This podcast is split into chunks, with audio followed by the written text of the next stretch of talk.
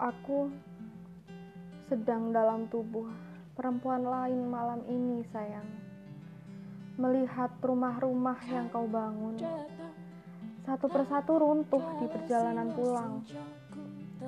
Lalu jemarimu saling bertaut dengan jari manis bercincin perak milik tubuh perempuan lain. Sementara kekasih lamamu kau biarkan telanjang di belakang. Tubuhnya adalah pahatan yang kau buat semalaman, dengan beberapa goresan yang disengaja, serta bagian tubuh yang tidak sempurna.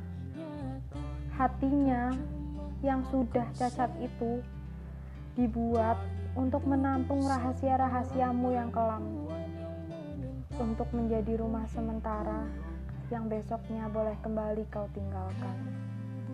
Dia adalah perempuan yang kau panggil rumah dari sejak hari itu hingga kemudian. Perempuan yang akhirnya meruntuhkan temboknya sendiri di depan pelataran.